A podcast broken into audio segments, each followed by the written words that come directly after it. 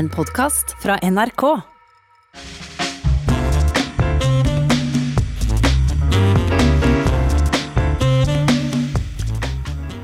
Det virker som om pandemien er på hell her i Norge. Vi håper i alle fall det. Og sosiale medier de er jo fulle av eh, bilder og meldinger fra folk som har fått sitt første eller andre vaksinestikk. Samtidig så har pandemien gitt oss et vell av eh, mer eller mindre gode råd om hvordan vi skal styrke immunforsvaret og gjøre oss bedre rusta til å stå imot eh, virus. Alt fra fysisk eh, trening til en haug med råd om hvordan vi skal ete oss friske. Og professor i medisin, Anne Spurkland, velkommen. Ja, takk. Da pandemien råka oss, da heiv du deg rundt og skrev boka 'Frisk nok', som handler om nettopp eh, det å gjøre oss immune mot sykdommer. Ja, det eh, i hvert fall hvordan immunforsvaret fungerer. ja. Ja, hvordan fungerer det? Nei, immunforsvaret fungerer eh, litt som et fremmedfiendtlig demokrati. Ja vel. Eh, Man er enige om hvor grensene går. så Innenfor grensene så er det konsensus som råder, mens eh, alt som er utenfor, det vil man ikke ha innenfor grensene sine. Så immunforsvaret prøver å holde alle fremmede utenfor, og så holde kontroll innad, da. Og dette er en uløselig knytta til kroppens eh, overlevelsesinstinkt. Det er det absolutt, fordi immunforsvaret er resultatet av fire milliarder år med kontinuerlig utvikling. Så du og jeg vi er liksom de suksessrike etterkommerne etter alle de som klarte seg før oss. da. Og, og immunforsvaret vårt må ses i den sammenhengen. Det som er prosjektet, er å bringe slekten videre. Ja, og Kan du utdype det litt? Eh, ja, altså, hver, eh, Vi kan tenke på kroppen vår som en samling med celler som samarbeider om den kropp, oppgaven. Så Det starter jo fra den befruktede eggcellen, og alle cellene deler samme arvestoffet og deler den oppgaven det er å, å skaffe et avkom. og Noen celler tar seg av eh, kontro kontroll, og andre tar seg av bevegelse. Og immunforsvarscellene tar seg av eh, immunforsvar. Eh, ja. Når du har kalt boka di 'Frisk nok', hva legger du i det? Ja, det vil jeg si er på en måte oppsummeringen av hva immunforsvaret driver med. Vi trenger ikke å være mer friske enn frisk nok til å få de barna. Og alle de gode tingene man da trenger for å få det til, kan bli for mye hvis det blir for mye av det. Tenk på muskler. Det er viktig å kunne løpe fra en løve, men hvis musklene blir for tunge, ja da er det veldig tungt å løpe fra den løven. Så du skal ha sånn passe sterke muskler, og på samme måte skal vi ha et passe sterkt immunforsvar. Det ikke, hvis det blir for sterkt, så blir vi syke, og kanskje blir det ikke noe ny slekt da. Hvordan eh, plasserer du dette inn i den pandemien som vi nå opplever? Ja, det, det, Pandemien har jo avslørt hvor viktig immunforsvaret er for livet vårt sammen. Fordi vi har fått eh, kontakt med et virus vi ikke tidligere har møtt. Og altså har ingen av oss eh, noe tilpasset immunforsvar til det. Vi har bare det medfødte immunforsvaret, som rekker et stykke på vei, men ikke fullt ut. Så vi har sett at eh, da blir jo noen veldig syke av det viruset. Eh, og så jeg vil si at Det er en illustrasjon av akkurat hva poenget er. Det er en evig kamp for å overleve, og nå har det vært en evig kamp for å overleve eh, covid-19. da.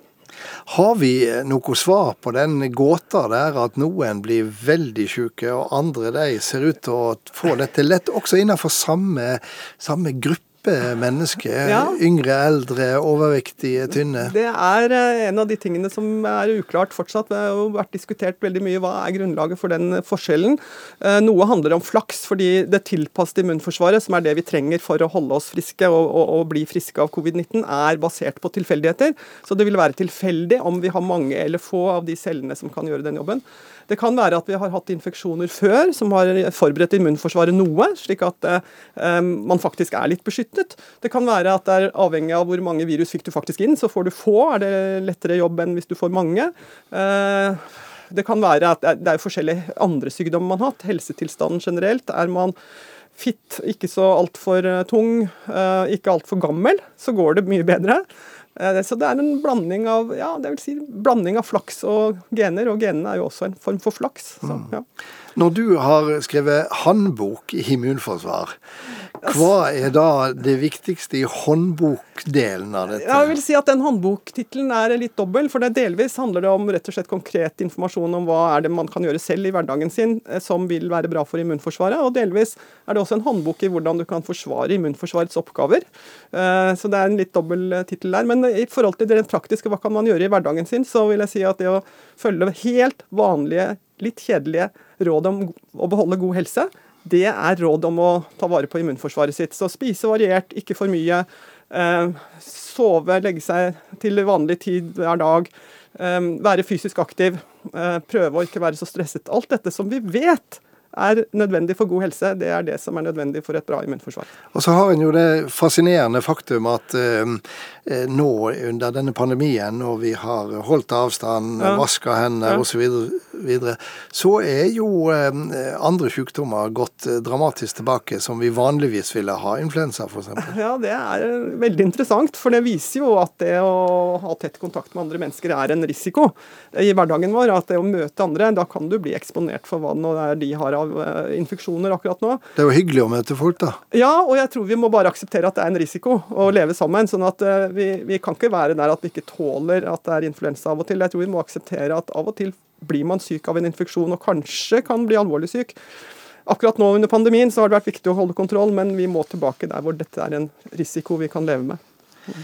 Du skriver at vi helt sikkert vil få nye pandemier. Ja. Hvordan kan du være så sikker på det? Ja, Det er jeg helt sikker på, fordi at eh, mange av de infeksjonene som har skapt trøbbel for mennesker nå i de siste tusenvis av årene, har vært virus som har vært eh, etablert i dyr, og som så kan hoppe over til mennesket. Og Da kommer viruset eller bakterien inn i en ny organisme, et nytt immunforsvar med nye regler. og da vil det kunne skape sykdom, fordi det nye immunforsvaret ikke helt skjønner hvordan dette skal håndteres. Og viruset eh, er kanskje ikke tilpasset heller, så det er en slags toveis eh.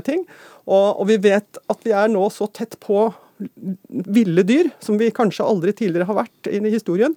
Og de ville dyrene, flaggermus spesielt, har virus som kan bli problemer for oss. Vi har sett at koronavirus denne gangen eh, laget problemer. Det kan komme nye virus som er enda verre. Og det kommer helt sikkert til å skje. Det er ikke til å unngå, faktisk. Eh, altså, Fagfolk som deg ja. har jo advart mot dette i mange ja. Eh, år. Ja. Og likevel så eh, var ikke verken verden eller Norge egentlig forberedt på det som altså, ramma oss i fjor. Hvis det er virkelig noe som har sjokkert meg under denne pandemien, så var det at vi hadde ingen Vi var ikke forberedt i det hele tatt. På tross av at det hadde bygget seg opp over flere uker og måneder. Vi skjønte at det ble en pandemi. Likevel, når vi stengte ned, så manglet alt av smittevernutstyr uh, osv. i Norge. Det helt, jeg var virkelig sjokkert. Uh, så en av de tingene vi nå må få på plass, er selvfølgelig et system hvor vi har et toårs beredskapslager med smittevernutstyr, sånn at dette ikke kommer til å skje igjen noen gang. Finland hadde det på plass. Av en eller annen grunn hadde Norge det ikke. Mm. ja.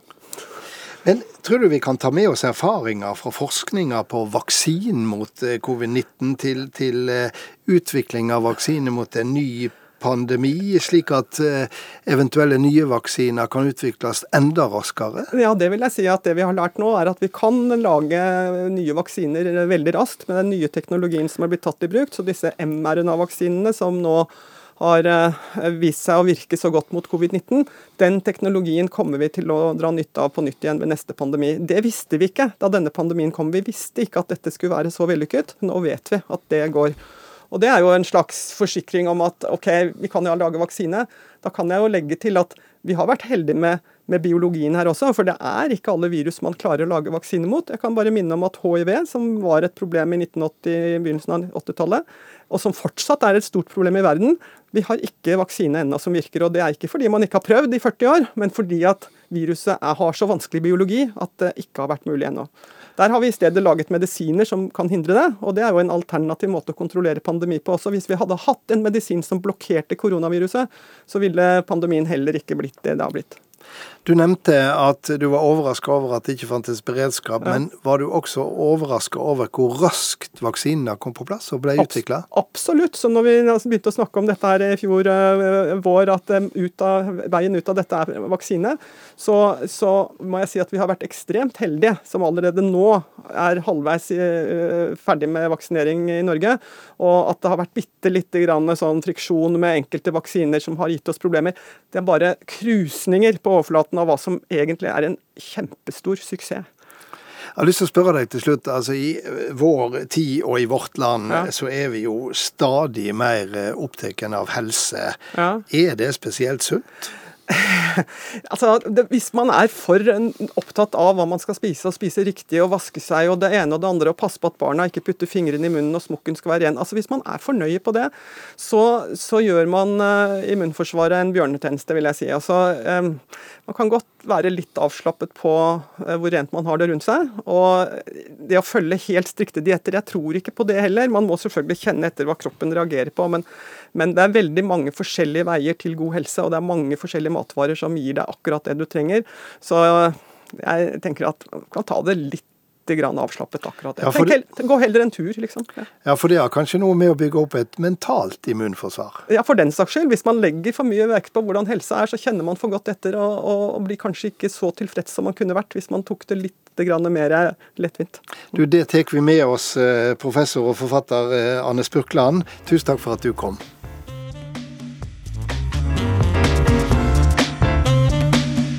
Og så runder jeg av med min faste kommentar. Her er denne ukas Stang inn, stang ut. Skammelegg var karakteristikken kronprinsesse Mette-Marit brukte da hun denne veka snakka om hetsen som de overlevende fra Utøya er utsatt for. Og kronprins Haakon fulgte opp. Det var jo et angrep på Arbeiderpartiet, på AUF, på staten vår, på samfunnet vårt, slo han fast. Det er verdt å merke seg at kongehuset på dette viset går rett inn i det som for mange er betente problemstillinger. For det er nok av de som ser på det som skjedde som utelukkende en gal manns verk, eller galningen, som en professor for litt siden kaller 22. juli-terroristen.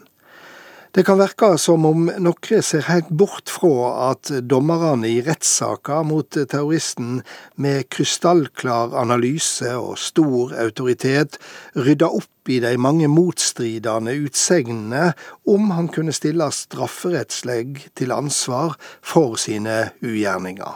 For det kunne han, og det vart gjort på et vis som var et rettssamfunn verdig. Men så ser vi at mange av de overlevende fra Utøya kjenner seg overletne til seg sjøl. De savner støtte i oppgjøret med det tankegodset som lå attom den verste terroraksjonen på norsk jord. En terroraksjon som ikke liknar noe annet vi har sett, med sin uhyggelige kombinasjon av først et bombeangrep mot nasjonens maktsenter, og så en massakre av ungdom som ikke hadde gjort noe annet gale enn å samles på ei hjerteforma øy for å diskutere hvordan verden kunne bli bedre. Ti år etter hagler det inn med meldinger, Facebook-poster og jamvel trusler mot mange av de som overlevde dette. Meldinger med budskap om at det var synd de overlevde det helvete som ble opplevd på Utøya. Det er så hjerterått at det knapt finnes ord for det. Og Samtidig forteller det noe om et tankegods som også i vårt land har sine aggressive tilhengere.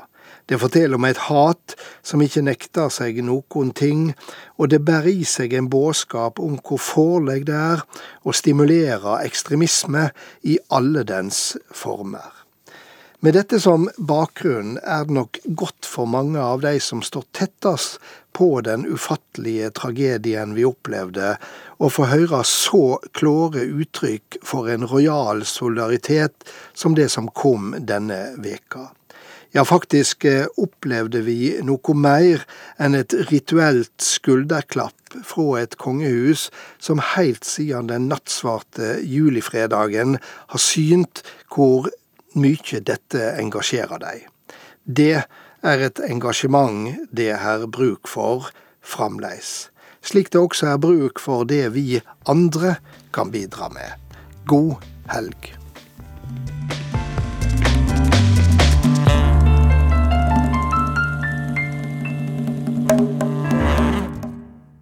Du har hørt en podkast fra NRK. Hør flere podkaster og din NRK-kanal i appen NRK Radio.